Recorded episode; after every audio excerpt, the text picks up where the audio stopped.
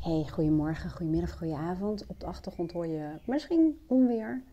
Wel grappig, want de zon schijnt hier nog en ik hoor van allerlei mensen via app en uh, telefoon dat het bijna allemaal regent. Hier schijnt de zon en het dondert en uh, nou ja, nou ja dat, daar heb je natuurlijk helemaal geen, nou ja, niks aan, zullen we maar zeggen. Goed, dit berichtje gaat over voice dialogue. En voice dialogue, als je me een tijdje volgt, dan weet je er wellicht al wat meer over.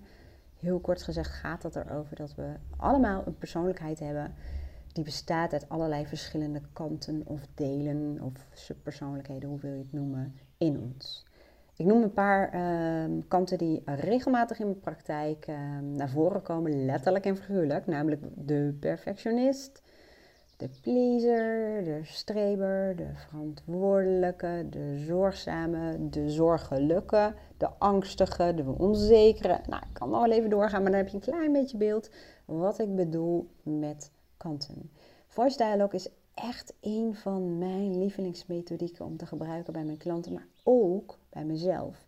Voice dialogue is ook uh, nou, zo helpend en, en het komt uit de transformatiepsychologie en dat is ook niet voor niets, want het zorgt ook echt voor doorbraken. En ik heb dan altijd het verlangen om een methodiek die goed werkt, voor mezelf en voor klanten, om die ook aan mensen te leren, zodat ze die bij zichzelf kunnen doen. Hè, natuurlijk is dat wel wat beperkt, daar kom ik zo meteen wel even op terug. En om eventueel ook uh, nou ja, de kennis door te kunnen geven. En dat betekent voor mij dat ik af en toe voordoe hoe ik er zelf mee werk. Met die verschillende kanten in mezelf. En nou, dat is over het algemeen ook meteen wel het meest, denk ik, kwetsbare om dat woord maar even te pakken om te doen. Hè? Want daarmee geef ik wel zoveel van mezelf bloot. Ik heb het van de week al gedaan door een kijkje te geven uh, via een blogartikel in mijn hoofd. Als het gaat om mijn eigen weerstand om te groeien. En daarbij is mijn innerlijke criticus dus ook een deel van ons aan het woord. En uh, nou ja, dat is soms best wel heel bruut wat hij zegt. Dus ik merk zelf ook dat het af en toe best een beetje spannend is om dit met jullie te delen. Maar ik um, heb een soort van hoger liggende missie of zo. En daardoor uh, word ik toch altijd gedreven om het dan maar wel te doen. Nou, ik zal jullie even een thema van mezelf meegeven. Wat in principe wel iets is wat... Moet ik het zeggen, er nog steeds is, maar waarin ik al hele grote ontwikkeling heb doorgemaakt. En ik zal even context geven. Ik um, verkoop als het ware één op één coaching en ik faciliteer en begeleid mastermind groepjes. Ik geef um, zo nu en dan uh, sinds corona wat minder uh, workshops en trainingen. Waarbij ik bijvoorbeeld onder andere startende coaches uh, begeleid, maar ook uh, wel andere trainingen over communicatie en dat soort zaken. En ik verkoop online cursussen, programma's en tools. Nou, en dat zijn dus verschillende dingen die ik doe.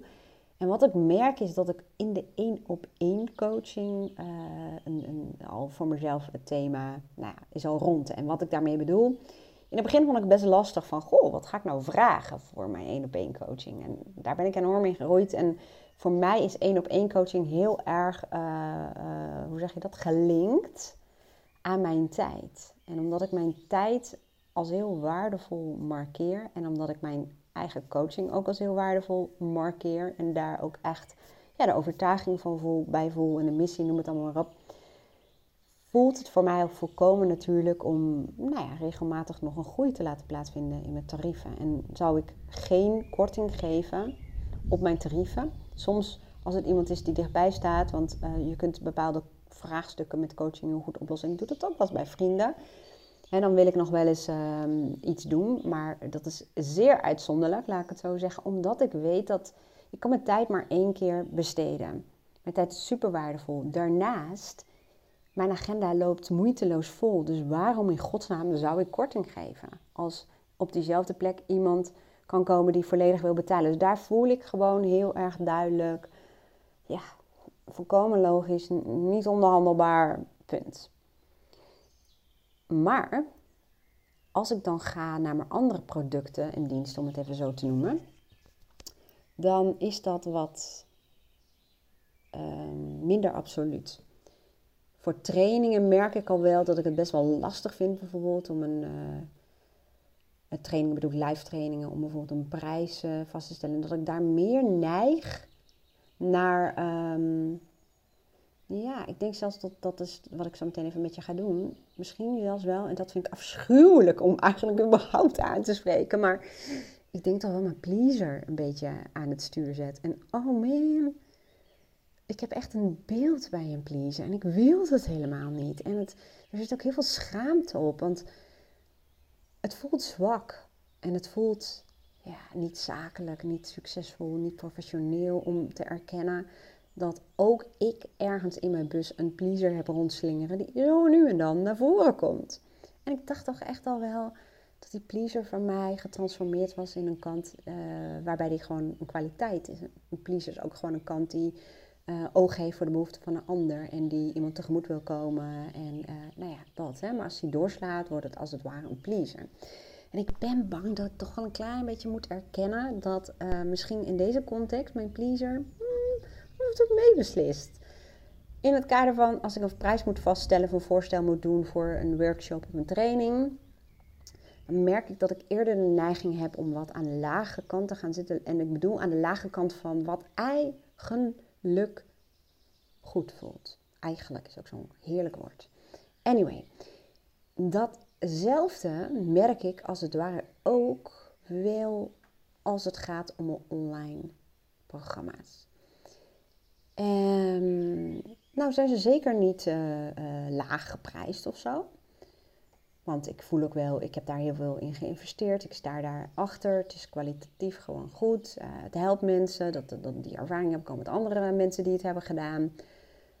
Maar wat ik vaak aan het doen ben, is toch wel uh, daarin korting geven voor mensen die bijvoorbeeld al eerder een online programma hebben gedaan, nog eentje willen doen. Of klanten bij mij die naast de coaching een online programma willen doen. En op zich vind ik dat ook helemaal geen probleem. Vind ik dat op zich, vind ik dat ook helemaal geen probleem. Kijk naar mijn zinnen. Op zich vind ik dat ook helemaal geen probleem.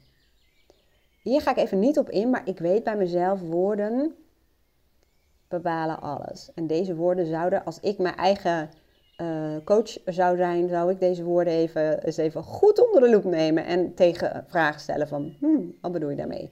Anyway, daar doe ik even niet nu, want anders wordt het een hele lange podcast. Um, het leidde me wel even af, omdat ik denk, een interessante zin die ik nu hier uh, construeer. Nou, even terug naar waar het om ging. Hè. Dat is natuurlijk dat ik zei, ik vind het op zich geen probleem dat ik die korting geef. Nee, ik vind het, um, ik vind het eigenlijk wel goed, eigenlijk. Nee. In sommige gevallen vind ik een korting uh, gewoon ook leuk om te geven. Punt. Dat is hem wel, die voel ik wel. Zeker als ik merk dat bijvoorbeeld iemand lekker gedreven bezig is en het helpt en die wil meerdere dingen doen. Ja, het geeft ons ook een goed gevoel om, uh, nou, om iemand te matsen, om het even zo te zeggen. Alleen, ik merk dat ik daarin af en toe een beetje door kan slaan. En dat doorslaan, dat ik neig ernaar om iemand misschien die ook nog tegen mij zegt: Ik wil er gewoon voor betalen hoor. En ik vind het belangrijk om er gewoon voor te betalen. En iets in mij staat dan op in mijn persoonlijkheid, in mijn bus, zullen we maar eens even zeggen. Die hobbelt naar voren. Nee, die rent naar voren. Die pakt mijn stuur uit handen. En die wil eigenlijk toch dat ik het misschien wel gratis weggeef. Ik weet het niet. Nou, en nu laat ik je even live zien hoe je zelf op basis van voice dialogue, eigenlijk op basis van uh, het inzicht dat je hebt dat je verschillende kanten in jou hebt zitten, is even onderzoeken wat is deze kant in mij aan het doen? Wat is de behoefte? Want ik kan het wel rationaliseren en ik kan wel denken, eh, ik heb ook een zakelijke kant in mij. Uh, laat ik die er eens even bij gaan halen. Klinkt hartstikke leuk, alleen is het wel vaak zo dat als je de stap overslaat door eerst eens te luisteren naar iets wat heel dominant in jou aanwezig is, dan kom je er vaak niet. Dan krijgt die andere kant, die, die, die, die, ja, dat gevoel gaat dan niet mee. Dan blijft het puur bij rationeel te kunnen uh, beschrijven dat het echt heel logisch is en bladibladibla. Je snapt dat waarschijnlijk wel. Um, nou, hoe ik dit doe. Ik zit nu bijvoorbeeld op mijn bureaustoel. En ik, dat noem ik dan als het ware even mijn bewuste ego-positie. En als je wil weten wat het is, dan zou ik zeggen... doe even de, even, doe even de cursus, gratis cursus die ik aan het einde van deze uh, podcast of onderaan de podcast wel even een linkje naartoe zou zetten. En in mijn YouTube dan, uh, dan wacht je tot deze podcast klaar is en dan klik je erop en dan ga je naar die uh, workshop toe. Um, maar de bewuste ego-positie, dat is eigenlijk simpelweg bewustzijn. Dus daar ben je puur bewustzijn, wat min of meer betekent dat je keuzevrijheid hebt tussen welke kant van jou je raad pleegt. Je bewustzijn ben je verloren als het ware, of die, die, die wordt overroeld, als een kant of meerdere kanten aan jouw stuur gaan zitten als het ware. Die, die nemen het over en dan handel en reageer je vanuit een kant of een deel van jou. En dat voel je. Nu voel ik ook die uh, klant, die um, ga ik even een voorstel doen. En ik merk nu dat aan alles, zelfs in mijn lichaam, dat een kant van mij het over wil nemen en bij wijze van spreken wil zeggen: Hier heb je een inlog voor mijn hele academy, mag je alles doen wat je wil. En ik weet ook wel, prima, als ik daar helemaal achter sta, prima. Het gaat ook om de intentie. Als ik dat als een bewust besluit doe, hè, zo van, ik vind het zo leuk werken met deze klant, want ik vind het ook heel leuk werken met deze klant. Deze klant is zo gedreven, zo gemotiveerd en zo oh, snel. En zo snel met inzichten. Van mij is dat super kicken. Um, kijk, stel dat, dat, dat ik een intentie heb van, oh wat cool, hey, wat leuk. En misschien kunnen we zo doen dat als ik haar toegang geef tot alles, dat zij mij feedback geeft of misschien een review schrijft hoe dit haar heeft geholpen. Dat kan hè, dan heb je een soort van win-win. Alleen gaat het erom dat soms voel je dat die intentie niet um, uit je bewustzijn voortkomt, maar vanuit een bepaalde kant. En vaak is dat uit angst. Nou, en dat voelde ik nu. Ik, overigens, door dit bewustzijn merk ik al dat het minder wordt hoor. Maar laat ik eens even doen, voordoen aan jou wat ik dan doe als ik daar even niet uitkom. Als die angst of die, um, ja, die, die, dat gevoel, als dat blijft hangen. Nou, wat ik dan doe, ik stap even letterlijk en figuurlijk van mijn stoel af die bewuste ego-positie. De katten die kijken me nu verschokt of verschrikt, of zeg je dat aan? Um, en ik loop even naar een andere plek. Ik probeer even te bedenken, stel dat, dat als dat die pleaser is, of in elk geval de deel van mij heeft het geen naam te geven, die het liefst korting wil geven. Waar staat hij dan? Waar zit hij dan? Nou, die staat echt naast me, naast mijn bureaustoel. Visualiseer je mijn bureaustoel waar ik zit te werken, dat mailtje staat open. Mijn nou, de kant van mij die het liefst wil dat ik eh, het allemaal maar lekker weggeef, die staat naast me. En alleen al die positie zou van alles kunnen zeggen, maar ik ga dat nu even niet invullen. Nou, en nu is het zaak, en dat is lastiger omdat ik nu ook met jou aan het podcasten ben, zullen we maar zeggen. Dus dan kom ik ook niet helemaal in die kant. Maar om je een klein beetje beeld te geven hoe je dat bij jezelf kunt doen ik doe bij wijze van spreken nu alsof die kant van mij, of het nou mijn pleasers of een andere kant, die heel graag wil zeggen: hier heb je een hele vinke korting, of je mag dit allemaal wel doen. Um, wat wil die? Stel dat het zou kunnen praten, dat deel in jou. Hè? Ik probeer er nu even contact mee te maken, als het ware. Wat zou die dan willen zeggen? Ik hou van adem.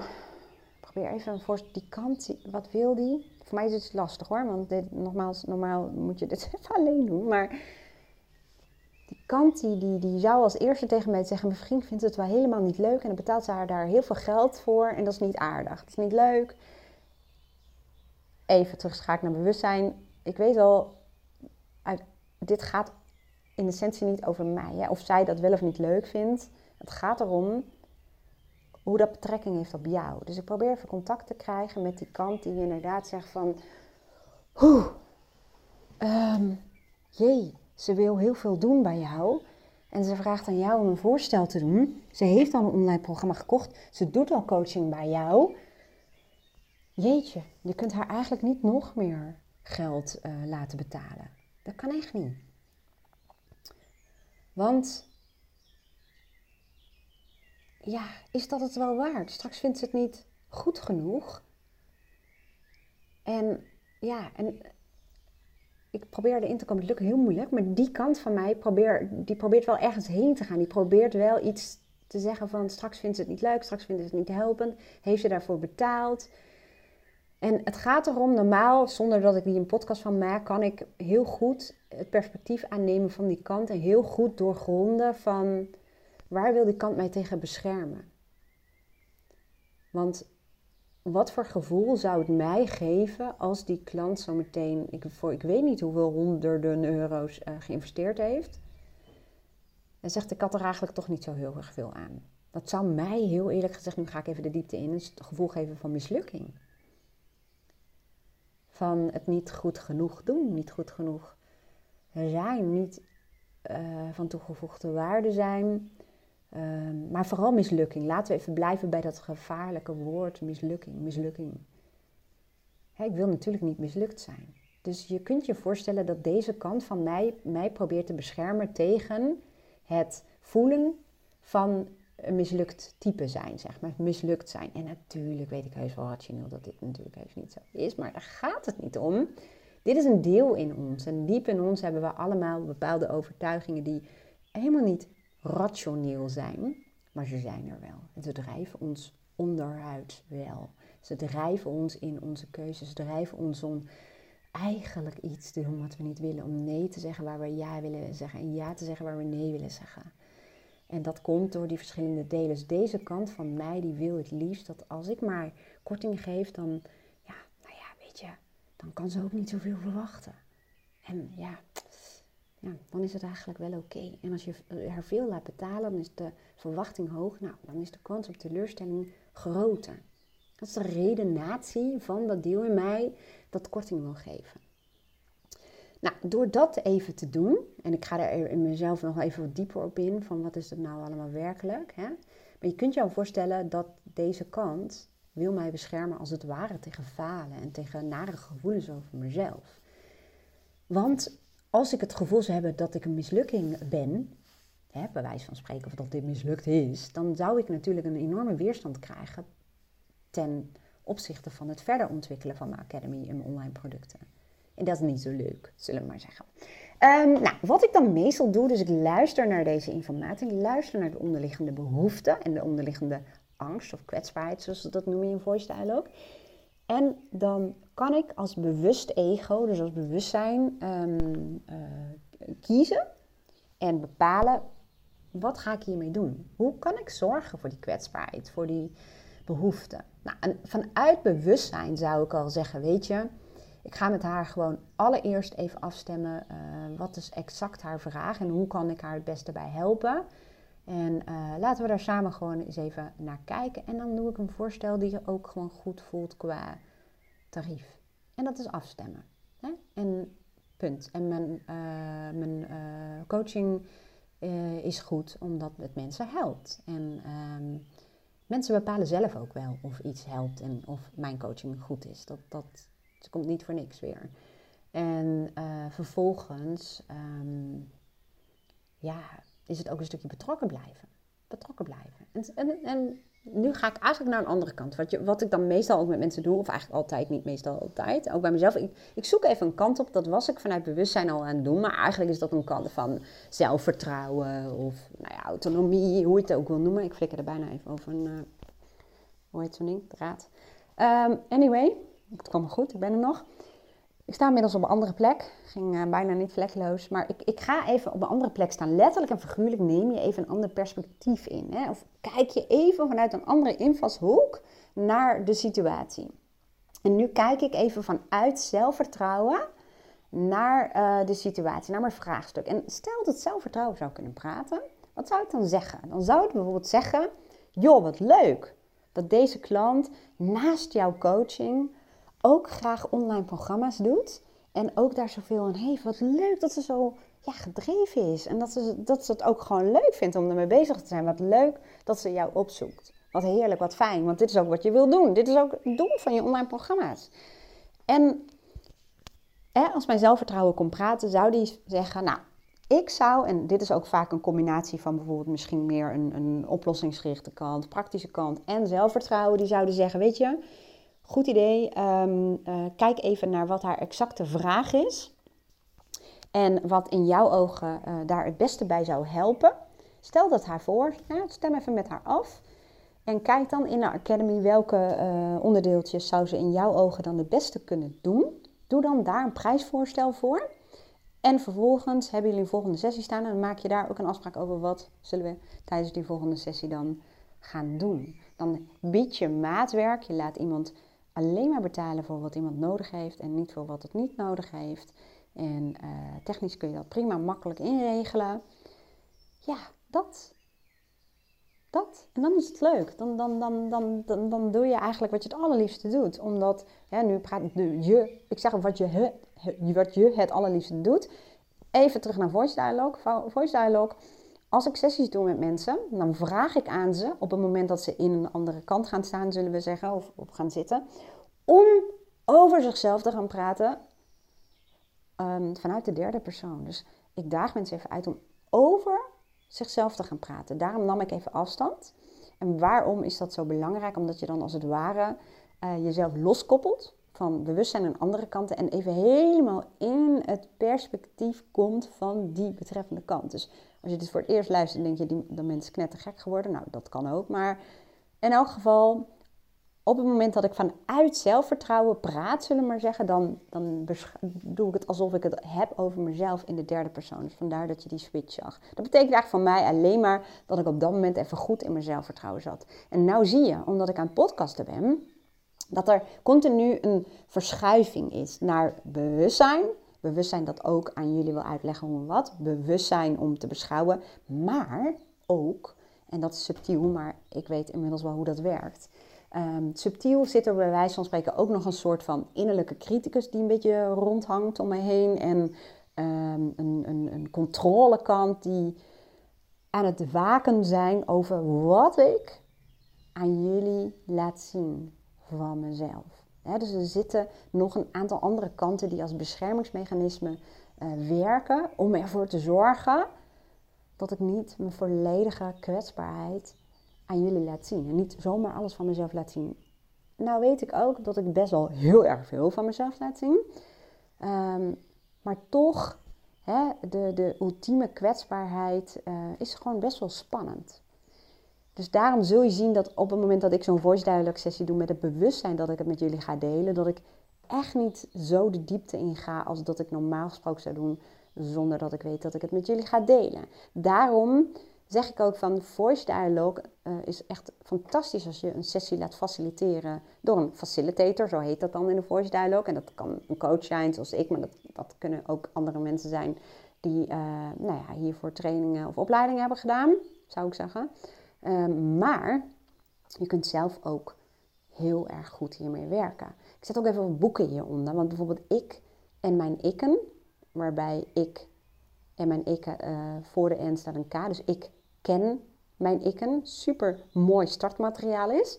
Ehm, en je ziet ook, je kunt heel veel zelf doen. En ik leer dat bijvoorbeeld ook in mijn online programma aan mensen om eerst eens naar te gaan. Wat is eigenlijk, hoe zit hun, persoonlijkheid ongeveer in elkaar? Wat zijn dominante primaire kanten? Wat zijn kanten van jezelf die je eigenlijk wel wat meer naar voren zou willen laten komen? Of ehm, die je wat meer zou willen voelen? Hè? Wat, wat zou je wat meer willen in je leven? Om het zo te zeggen, welke kanten kunnen je daarbij ondersteunen? Dus ik leer je in een online programma eigenlijk heel simpel wie jij werkelijk bent en uit welke kanten jij bestaat en hoe je zelf kunt werken en spelen met die verschillende kanten in jou. Dat gaat ook over als je heel veel angsten hebt en ehm, als je onzeker bent of juist heel erg de pusher-energie hebt die altijd maar door moet gaan en nuttig moet zijn, moeilijk kan ontspannen. dat, dat, is, dat, dat is heel gevarieerd om het zo te zeggen. En ik leer je dan ook, wat ik nu een klein beetje aan je laat zien, van hoe doe je dat dan bij jezelf op het moment dat je ergens last van hebt. Of een vraagstuk, of een dilemma, of ergens niet uitkomt, of in de twijfel terechtkomt. Twijfel trouwens ook een kant, hè? Um, even kijken, wat wou ik daar nog meer over zeggen? Ja, want ik vertelde je in het begin van um, zelf zit er een beperking op. En dat was ik nu eigenlijk al net aan, aan het uitleggen aan jou. Hè? Want um, als iemand het faciliteert, dan kun je je voorstellen, ik zit daar en ik kijk naar het geheel. En ik merk echt meteen aan de energie, aan, aan de tone of voice, aan, aan, de woorden, aan de stem, aan de gelaatsuitdrukking, uh, beweging, non-verbale signalen, dat er bijvoorbeeld in één keer een andere kant bij komt kijken. bijvoorbeeld een controleur of zo, hè? Of, of, of een ratio of een denker, die het als het ware zomaar even overneemt. Nou, je kunt je voorstellen, als je het bij jezelf doet, en dan kun je die beschouwing, die heb je niet. Daarom leer ik mensen om voice dialogue, dus werken met je persoonlijkheidskanten, om dat zodanig te doen dat het je helpt, maar je ook leert je wat de beperkingen zijn. Wanneer je voelt, hé, hey, hey, nu, kom, nu lukt het niet. Of nu, hm, moeilijk. Ik kom moeilijk in die kant. Want dat is vaak omdat er gewoon een andere kant op dat moment te dominant is. En vaak herken je die niet. En heel veel mensen eh, vinden het ook wel lastig om onderscheid te maken tussen wat is dan bijvoorbeeld mijn innerlijke criticus en wat is bijvoorbeeld dan mijn schuldgevoel of eh, nou ja, perfectionisme. Dat komt ook omdat de innerlijke criticus die um, heeft invloed op schuldgevoel, op perfectionisme, omdat als het ware de innerlijke criticus, nou eigenlijk is dat de innerlijke regelgever, maar daar ga ik even niet verder op door, die geeft aan waar bijvoorbeeld de perfectionist uh, aan moet voldoen, om het even zo te zeggen. Klinkt dan best ingewikkeld, maar eigenlijk als je het op een gegeven moment onder de knie hebt, is dit wel een methodiek die je in elke situatie kunt toepassen. Afgezien van als je bijvoorbeeld psychoses hebt, of uh, nou ja, persoonlijkheidsstoornissen of wat dan ook, die uh, moeilijk controleerbaar zijn, waarbij bewustzijn uh, nou ja, op dat moment misschien even onderdrukt is of weg is. Don't do it. En ook dat in mijn online programma, dan heb ik ook echt van tevoren aangegeven wanneer kan je het wel doen en wanneer kan je het niet doen. En ehm, nou ja, dat is natuurlijk wel heel erg belangrijk. Nou, ik zet ook een linkje ook naar het online programma hieronder. Ook hiervoor geldt, hè, want je hebt me natuurlijk horen praten dat als je denkt van ja, ik weet mijn god niet uh, wat voor mij handig is of wat ik nodig heb. Help me even. Nou, app of mail me, dan gaan we gewoon samen even kijken wat uh, voor jou het beste past. Um, nou, ik hoop dat je er enigszins iets van opgestoken hebt. Ik ga jou nou van vertellen dat ik even achter mijn bureau kruip en ga doen wat ik vanuit bewustzijn en wat mijn zelfvertrouwen eigenlijk als het ware ook adviseerde, om die klant een voorstel te doen. En ik voel ook die, die, die, dat, dat, die gekke eh, energie, die, die angstige energie van het weggeven of heel veel korting geven. Nee, dat was, dat was vanuit een verkeerde intentie geweest, vanuit angst. En wat ik nu doe is simpelweg vanuit ja, eerlijkheid, integriteit. En dat is ook belangrijk voor me. En dat is gewoon belangrijk dat iemand gewoon uh, geholpen is. En dat iemand alleen maar betaalt voor hetgeen uh, wat ze doen. En ja, ik ben ook heel erg gericht op het resultaat. Dat vind ik belangrijk. Alleen, het is ook kiezen van hoe ga je dat dan faciliteren. En volgens mij gaat onze poort bel. Nou, ik hoop dat je wat aan had. Zo ja, laat even weten wat je hier aan had en wat je inzichten hierover zijn.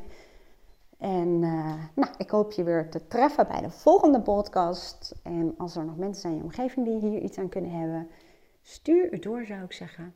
En als je mij een plezier wil doen, dan uh, laat even een uh, beoordeling achter op Apple Podcasts. Dat zou ik heel erg waarderen. Dankjewel voor het luisteren en tot de volgende keer.